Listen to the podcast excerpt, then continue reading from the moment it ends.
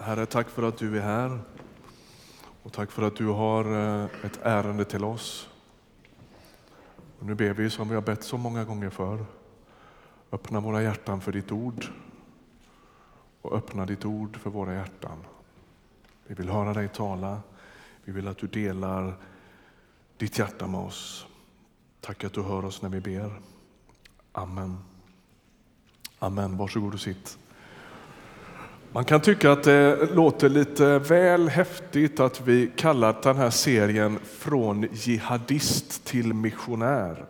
Är det verkligen inte liksom tillspetsat? Men så här har vi resonerat. En religiös extremist um, ser hyfsat likadan ut oavsett vad det är för religiös etikett på dem. Om man är hindu, muslim, kristen eller jude eller vad man än är. Så när man mixar religiös extremism, exklusivitet och våld i samma lilla gryta, då ser det hyfsat likadant ut. Och Det intressanta är ju att i den tid som vi lever i nu, som ju präglas ganska mycket, om man tittar på nyheterna just nu, så är ju prägen väldigt stark just på de här frågorna, eller fokus, om religiös extremism, inte minst i Mellanöstern. Då. Och Det som är intressant är ju att vi, en av de centrala berättelserna i Nya Testamentet vid sidan om huvudstoryn om Jesus, det är ju Paulus historia. Den genomsyrar ju jättemycket av texterna där och han är med om det. Precis som vi har hört inledningsvis idag, att gå från att vara en, en sorts Israels jihadist på sätt och vis till att bli missionär. Och när Paulus ångar fram som värst, då är han kyrkans förföljare och det står i apostlärningarna att han andas modlust. Det är ett intressant uttryck. Det är en djupt fången människa som andas modlust. Paulus har vigt, eller Saul som han kallar sig då, han har vigt sitt liv åt att bekämpa den kristna kyrkan. Och han gör det utan att sky några som helst medel. Hela hans liv verkar dikteras av det här. Och jag skulle föreslå att du går in, om du, om du inte var här förra veckan och lyssnar på, på ljudfilen som finns på en hemsida där Johannes Stenberg predikar introduktionspredikan i den här serien förra veckan. När han pratar om just den här, det vi såg i dramat här framme, om hur Paulus möter Jesus på vägen till Damaskus, vilket ju är alltså som hämtat ur en Aktuellt-sändning. Eh, jihadisterna är på väg till Damaskus. Det är ju precis så det är. Och så är Paulus fången i sitt eget hat. För så blir det nämligen alltid. Det förtär en människa. Och så möter han Jesus på Damaskusvägen, på väg att förfölja den kristna kyrkan och så blir allt förändrat. En av de böner som Paulus har bett som en rättrogen skriftlärd jude, det är jag tackar dig Gud för att jag varken är skapad till hedning, slav eller kvinna. Det är hans tacksägelseämne. Vi låter det bara hänga en liten stund. Vi säger inget mer om det, utan vi går till en text det, håll det i minnet. Det har Paulus bett som rättrogen jude. Jag tackar dig Gud att du varken har skapat mig till hedning, alltså icke-jude, eller slav eller kvinna. Och så går vi till texten i Galaterbrevets tredje kapitel och läser följande. Det är Paulus som skriver. Det har gått ett antal år nu han har kommit till tro på Jesus, han har börjat som vi såg i dramat och skicka brev till kyrkor som han själv har varit med och grundat, några av dem i alla fall. Och så skriver han så här. Alla är ni nämligen genom tron Guds söner i Kristus Jesus. Är ni döpta in i Kristus, då har ni också iklätt er Kristus. Nu är ingen längre jude eller grek, slav eller fri, man eller kvinna. Alla är ni ett i Kristus Jesus. Men om ni tillhör Kristus är ni också avkomlingar till Abraham och arvtagare enligt löftet. Hörde du? Det är som att Paulus gör upp med sin egen historia. När han förut har delat in mänskligheten i jude eller icke-jude, alltså hedning, slavar och fria och män och kvinnor, så, så har han brutit med den världsbilden. Och så beskriver han världen på ett annat sätt. När Jesus kommer, då river han ner murar. Nu är ingen längre, nu, nu definierar vi inte människor utifrån om de är judar eller icke icke-judar. Vi värderar inte människor utifrån om de är slavar eller fria. Vi värderar inte heller människor utifrån om de är män eller kvinnor. Det, det, är utraderat på något sätt. När vi hade vår förra serie, We are family, då sa vi så här. Eller vi, ni får, jag står till svars för det. Det var jag som sa det. Vi, ska inte lägga orden i mun på er, det är inte säkert ni håller med. Men då påstod jag att visionen om kärnfamiljen, mamma, pappa, barn, det är en för liten vision om man bekänner sig till Guds rike. Det är inte det som är den stora drömmen som vi ger oss åt. Det Gud inbjuder oss till är en gemenskap och ett Guds hushåll, beskriver Nya testamentet som, som korsar gränser.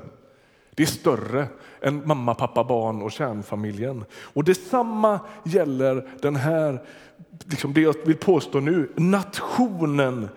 Visionen om ett starkt Sverige, eller ett starkt USA, eller Somalia eller vart man nu bor. Det är en för liten vision. Gud inbjuder oss till sitt eget rike och där är den typen av gränsdragningar borta.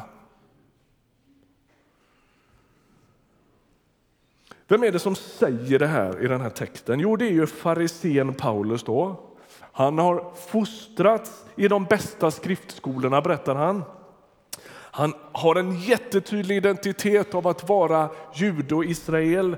Han är av Benjamins stam. Han säger i Filipperbrevet att han har gått längre än de flesta andra i sin iver och överlåtelse.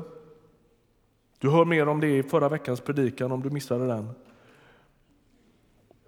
Och det är den killen som möter Jesus på Damaskusvägen och som smittas av en större vision. Det är ju en ganska extrem, eh, snäv, våldsam och icke tillåtande typ. Liksom.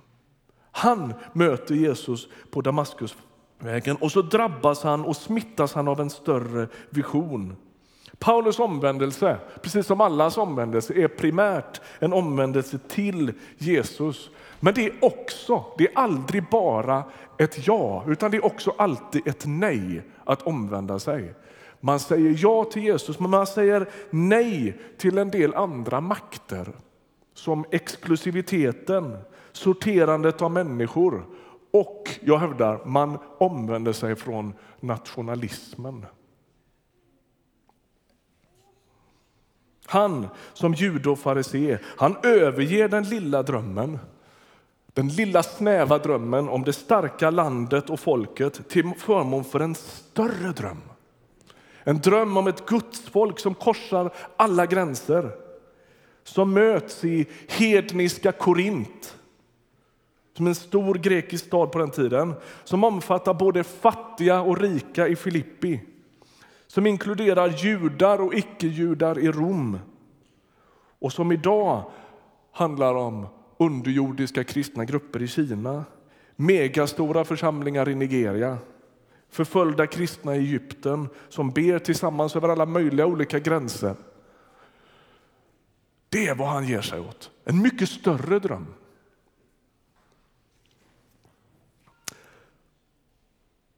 Låt oss fundera en stund. då. Vad är det nationalismen vill erbjuda oss människor? Frihet, trygghet, en stark identitet, precis som Maria var inne på i sin, eh, sitt vittnesbörd här. Framtidstro, samhörighet. Allt det där är ju det som Gud vill inbjuda oss till att få smak på i hans rike. Eller hur? En ny identitet. samhörighet, gemenskap, trygghet, hopp, framtidstro. Och vi brukar säga att kännetecknen på en avgud det är att de försöker ta Guds plats. När jag lutar mig mot pengarna och tänker det är där jag har min djupaste identitet och min djupaste trygghet, då blir pengarna en avgud. När jag lutar mig mot nationen och tänker det här är det som djupast definierar vem jag är, då blir också det en avgud.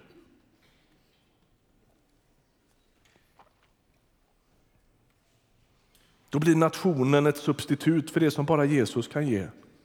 Och då är det per definition en avgud. Jag tänkte jag skulle visa en bild för er som är ganska obehaglig.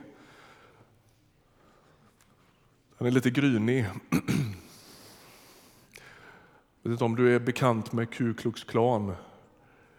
En djupt rasistisk, våldsam rörelse i USA som förföljt och trakasserat svarta under många, många år. finns rester av dem kvar på sina håll. Sug lite på den bilden. Visst är den intressant? Jesus saves, står det. De träffas i en kyrka.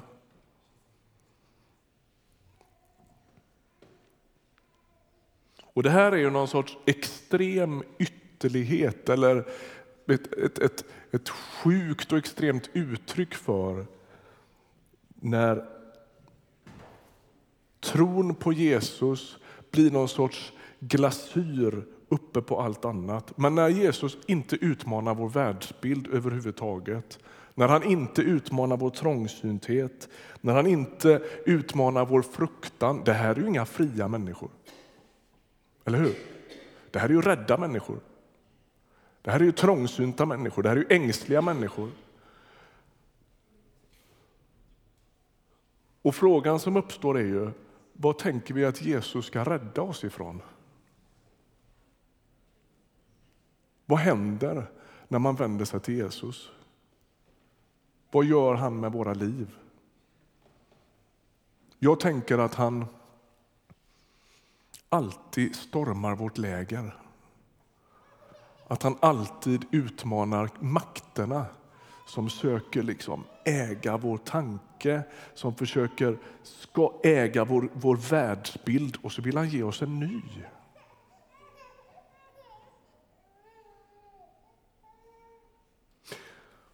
Vi kan ta bort den här bilden, den är lite obehaglig. Vem har, Jesus, vem har en Jesus troende svensk mest gemensamt med? Alltså på ett, på ett känslomässigt och intuitivt plan så är det precis som Maria sa innan här, att det är klart att vi har massvis med gemensamma nämnare med andra svenskar. Vi talar samma språk, vi har massa kulturella koder. Eh, när man åker på semester i sju dagar då är det ju jättemysigt med andra kulturer. Men precis som Maria sa, när man har bott ett tag då, då liksom glider ju det där mysiga undan och så blir det ju mest frustration. Det finns ju liksom olika faser på den här kulturanpassningsstegen. Liksom, Då. Och så ser man bara en massa konstiga saker. Så självklart är det så. Språk, koder, kultur, det är inte oviktigt. Men jag tänkte prova en tanke på er. Tänk om det är så här att vi tänker att vi har mest gemensamt med andra sekulära svenskar därför att vi inte riktigt har förstått vår djupaste identitet som Jesus troende. Kan det vara så? Kan det vara så? Eller skulle vi kunna ställa frågan lite annorlunda? Vem har jag som Jesus troende djupast lojalitet med? Då kanske det liksom prickar något annat hos oss då. Jag påstår att den som tror på Jesus och vill följa honom och som har fått sitt medborgarskap i Guds rike har ett, ett tajtare, tätare sammanbunden med en kristen palestinier, indier, syrier eller kines än med den icke-troende grannen nedför gatan. Hörde du det? Vi, vi är tajtare förbundna med den nykristne indien, kinesen eller colombianen än med den icke-troende grannen nedför gatan. Därför att vi tillhör ett annat rike. Låt oss bläddra några blad till Efesiebrevet som kommer strax efter Galaterbrevet. Det är fortfarande Paulus som skriver. Och så ska vi läsa några verser i taget i Efesiebrevets andra kapitel som fantastisk text.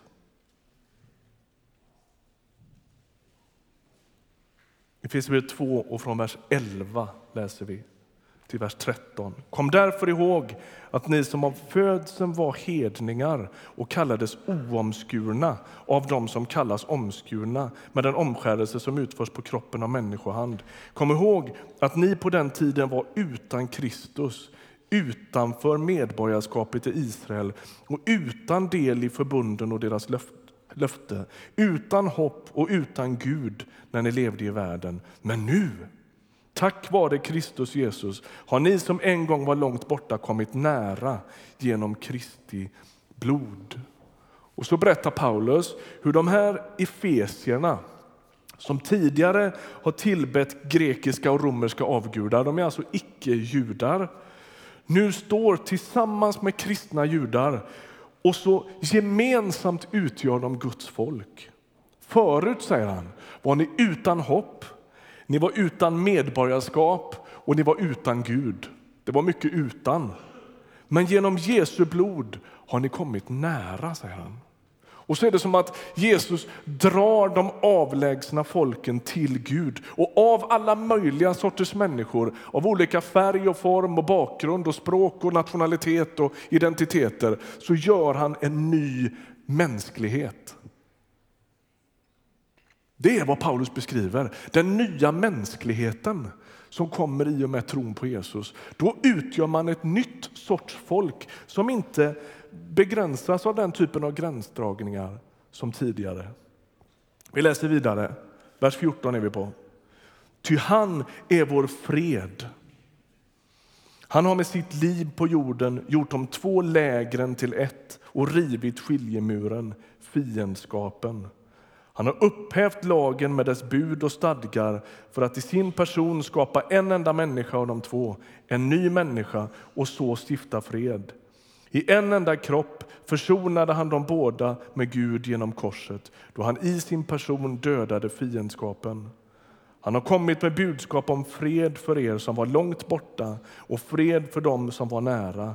Ty genom honom kan både vi och ni nalkas Fadern i en enda ande. Så säger Paulus att Jesus han har kommit med fred. Fiendskapen mellan det Guds folk som var definierat av etnicitet, Israels folk och resten av världen som kallades för hedningar. Den, den fiendskapen och den skiljemuren är nu nerriven. Och Jesus gör liksom de här gamla antagonisterna till ett folk, en familj, ett hushåll, ett rike.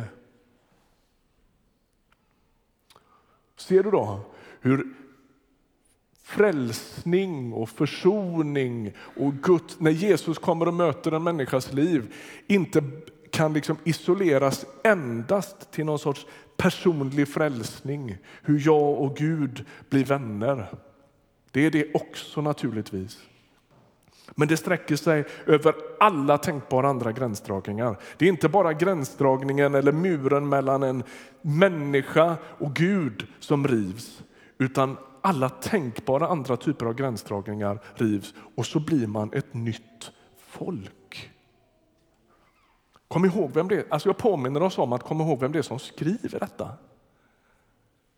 Kommer du ihåg när han har börjat sin dag? Jag tackar dig Gud att jag inte är skapad till hedning. Och så blir han hedningarnas apostel. Jag har sagt det förut, men jag tänker att det är en bra bild. Det är, när Paulus kommer till tro så är det lite som när Tänk, tänk att Osama bin Laden sitter och trycker i någon grotta i, i eh, Afghanistan och så möter han Jesus. Och så kommer han till tro och så får han sitt uppdrag. Vad, är, vad, ska, jag, vad ska jag göra? Ja, men du ska bli missionär. Okej. Okay. Ska jag åka till Iran? Nej. Ska jag åka till Irak? Nej, ska du inte göra. Du ska åka till New York. Och så ska du bli kärlekens apostel till New York och så ska du berätta för dem att Gud söker deras hjärtan och att han önskar liksom, gemenskap med dem. Ungefär den digniteten är det på Paulus omvändelse. Han har ju levt för att hata detta. Det är en religiös galning som möter Jesus och som börjar prata om en ny mänsklighet där gränserna är nerrivna. Det är ytterst anmärkningsvärt. Och fantastiskt, tänk vad Gud kan göra i en människa som möter honom. Vers 19. Är ni med mig i Efesierbrevet 2? Kan inte någon säga ja? Ja, tack. Känns bättre på något vis. Ehm, alltså är vi inte längre gäster och främlingar, säger han, utan äger samma medborgarskap som de heliga och har ert hem hos Gud. Ni efesier är inte längre gäster. Alltså gäster är ju jättemysigt, men grejen är ju att en gäst går hem på kvällen och vi kan säga hur mycket som helst till en gäst, känn dig som hemma. Men vi vet att det ändå ut, vi utgår ifrån att det finns en gräns för hur hemma vi vill att de ska känna sig. Eller hur?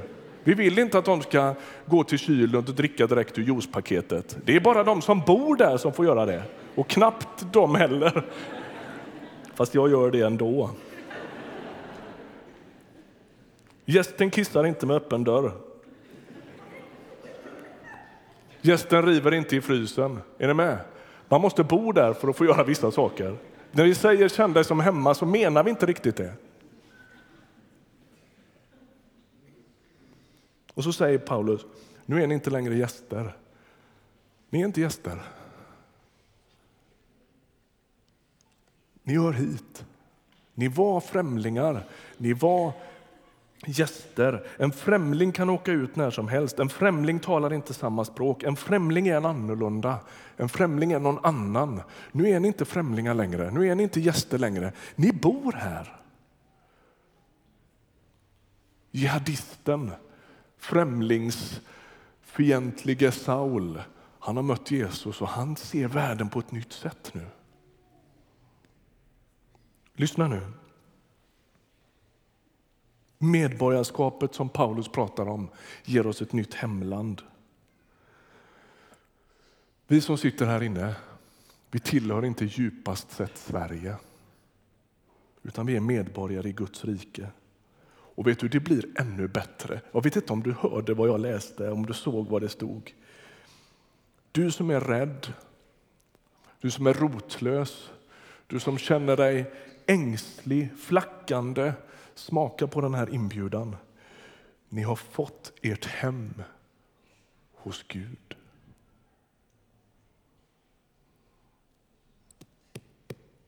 Smaka lite på det. Ni har fått ert hem hos Gud. Det är vår djupaste hemvist. Om de här Ku Klux Klan gänget här med huvudena på huvudet hade begripit att det Jesus vill rädda dem från, det är rädslan. Det är ängsligheten och det är den missriktade, det missriktade rotsystemet. De är inte djupast sett vad de nu kallar sig, amerikaner, sydstatare, Texasbor, jag vet inte var de bor. De är djupast sett, om de menar allvar med att Jesus, Jesus saves, då utmanar han de makterna för att göra dem till friare människor. Man skulle kunna säga så här.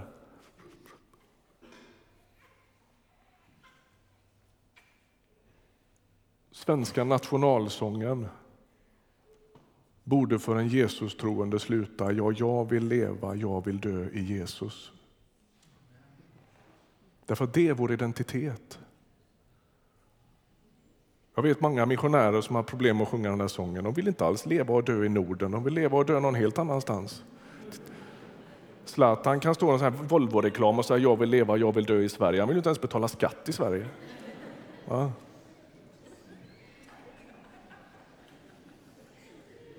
Va?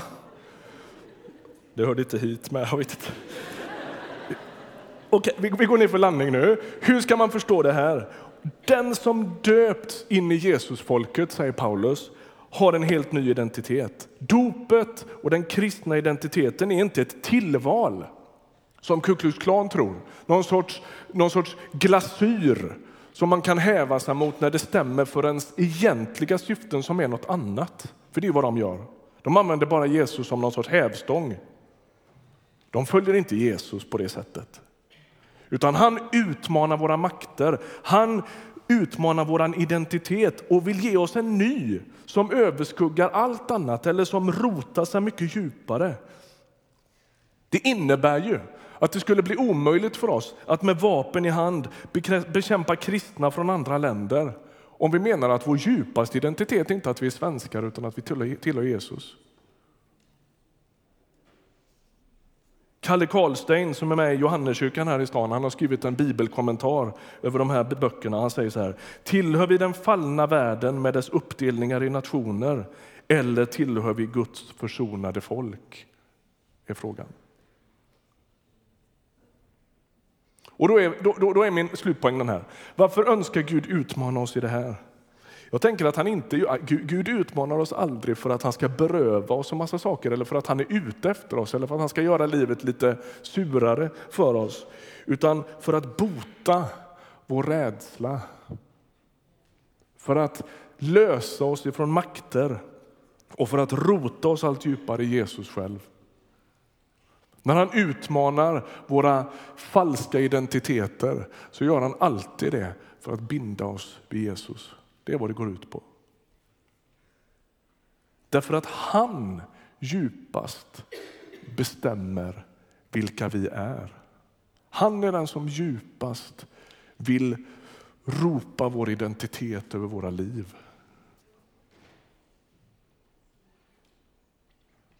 Och min utmaning till dig idag den blir därför då Att se på Paulus liv, att se på, egentligen inte på Paulus liv, men att, att liksom använda det på något sätt. Och den, den bild som målas upp av en, av en människa som i mötet med Jesus vidgar sina vyer, tänker på ett nytt sätt och får Guds rike för sina ögon. Är det så att också du skulle behöva bli fri från dina rädslor och makter och djupare rotad i Jesus. Kan det vara så? Vi ber tillsammans.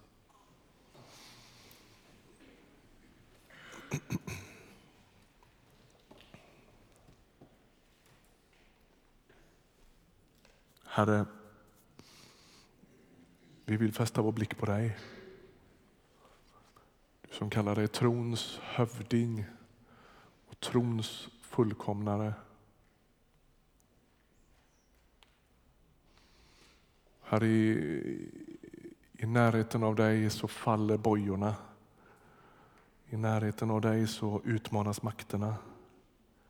Och Fader, vi tackar dig för att du kan göra vad som helst med vem som helst. Det finns ingen gräns för hur fri en människa kan bli. Det finns ingen gräns för hur förvandlad en människa kan bli som släpper dig in på livet.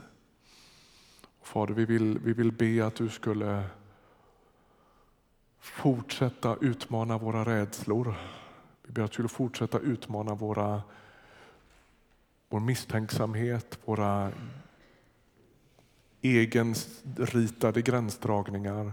Vi vill bli fria, vi vill bli rotade i dig. Vi vill leva, vi vill dö i Jesus Kristus.